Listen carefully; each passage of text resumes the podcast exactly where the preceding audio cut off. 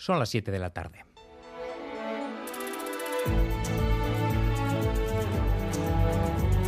En Radio Euskadi, Gambara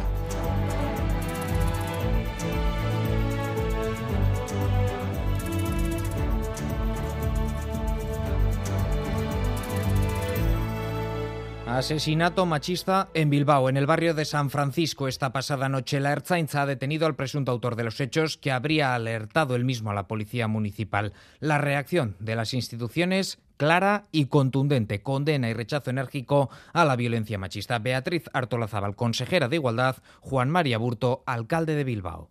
Acabamos este año 2022 de la peor manera posible. Es la vulneración de los derechos humanos más flagrante, es una lacra social con la que tenemos que luchar permanentemente y todavía hoy en día la sociedad vasca tiene mucho que hacer para acabar con esta sin razón. Asesinato machista de una mujer hoy en Bilbao. Quiero trasladar la más enérgica repulsa, la más enérgica condena trasladar a la ciudadanía de Bilbao una convocatoria para que mañana a las 12 del mediodía podamos concentrarnos en las escalinatas del ayuntamiento para mostrar nuestro rechazo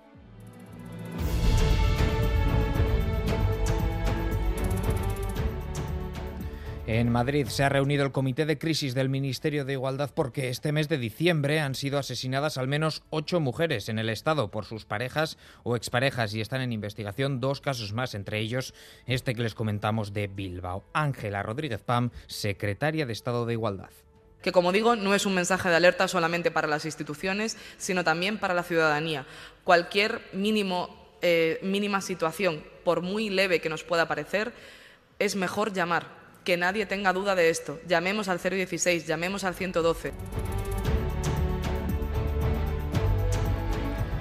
En capítulo político-económico, el presidente del Partido Popular, Alberto Núñez Feijóo, ha asegurado hoy que la medida aprobada por el Gobierno de eliminar temporalmente el IVA a alimentos básicos y reducirlo a la mitad a aceite y pasta es una medida que propuso el PP.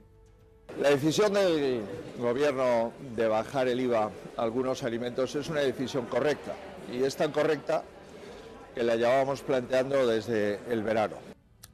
Algo con lo que el Gobierno, desde luego, no está de acuerdo. Yolanda Díaz, vicepresidenta el planteamiento es eh, no el que hacía el Partido Popular, es una posición muy restricta que afecta a unos productos muy determinados en los que se baja el IVA del 4 al 0% y todo esto sujeto al control de los márgenes empresariales de las grandes distribuidoras y eh, con la prohibición de repercusión de esos ensanchamientos, eh, por supuesto, en los beneficios mm, de las mismas. Y otra medida anticrisis aún se desconocen los detalles, los conoceremos en enero, pero el gobierno vasco plantea bonos para aliviar a las familias vulnerables el precio de la cesta de la compra. Bonos de entre 150 y 300 euros cada dos meses durante el próximo medio año. Se calcula que se beneficiarán unas 10.000 personas.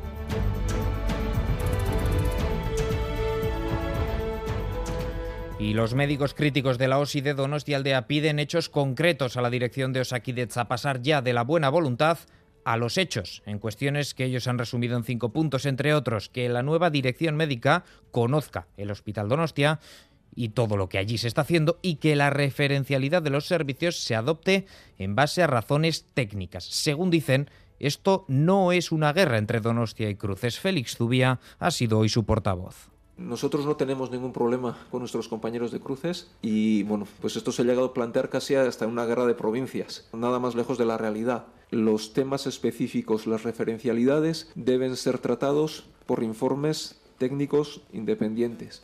Entonces, ¿dónde tienen que estar las técnicas de referencialidad?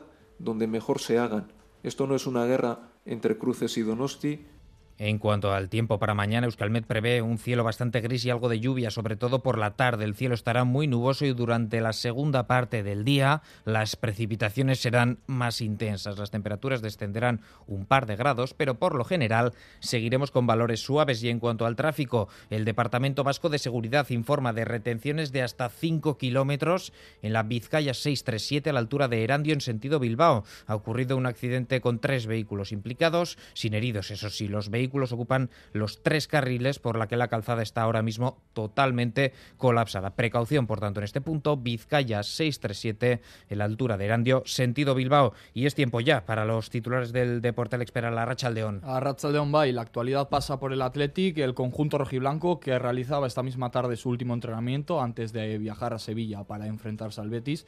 Recordamos que el partido se jugará mañana en el estadio Benito Villamarín a partir de las 7 y cuarto, ya que no veremos vestido de corto será Ander Herrera, que sigue con molestias y se cae de la convocatoria de Ernesto Valverde. Tampoco será de la partida John Morcillo y un Valverde que ha hablado esta tarde, lo podremos escuchar a partir de las 8 menos 20 en el análisis de la previa. Por otro lado, Vera Vera disputa esta noche su último partido del año a partir de las 9 en el José Angasca frente a Rocasa Gran Canaria, un duelo por el liderato y también lo hará lo Guernica ante Ensino a partir de las 8 y cuarto.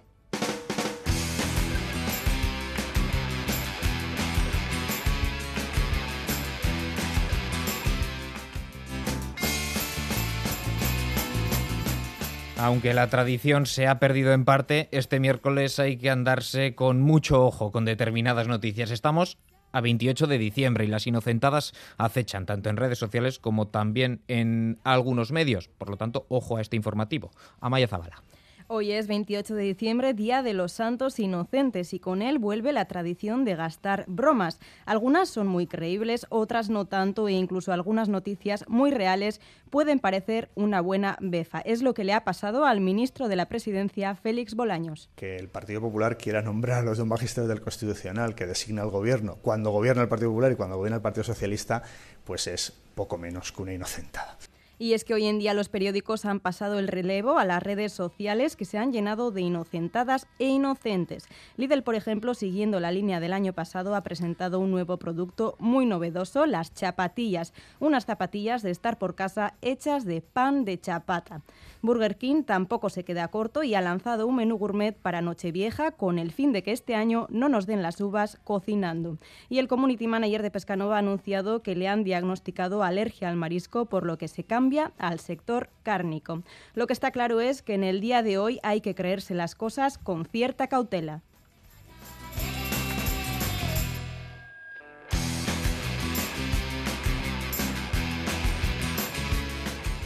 Con Miguel Ortiz y Xavier López en la técnica, comenzamos.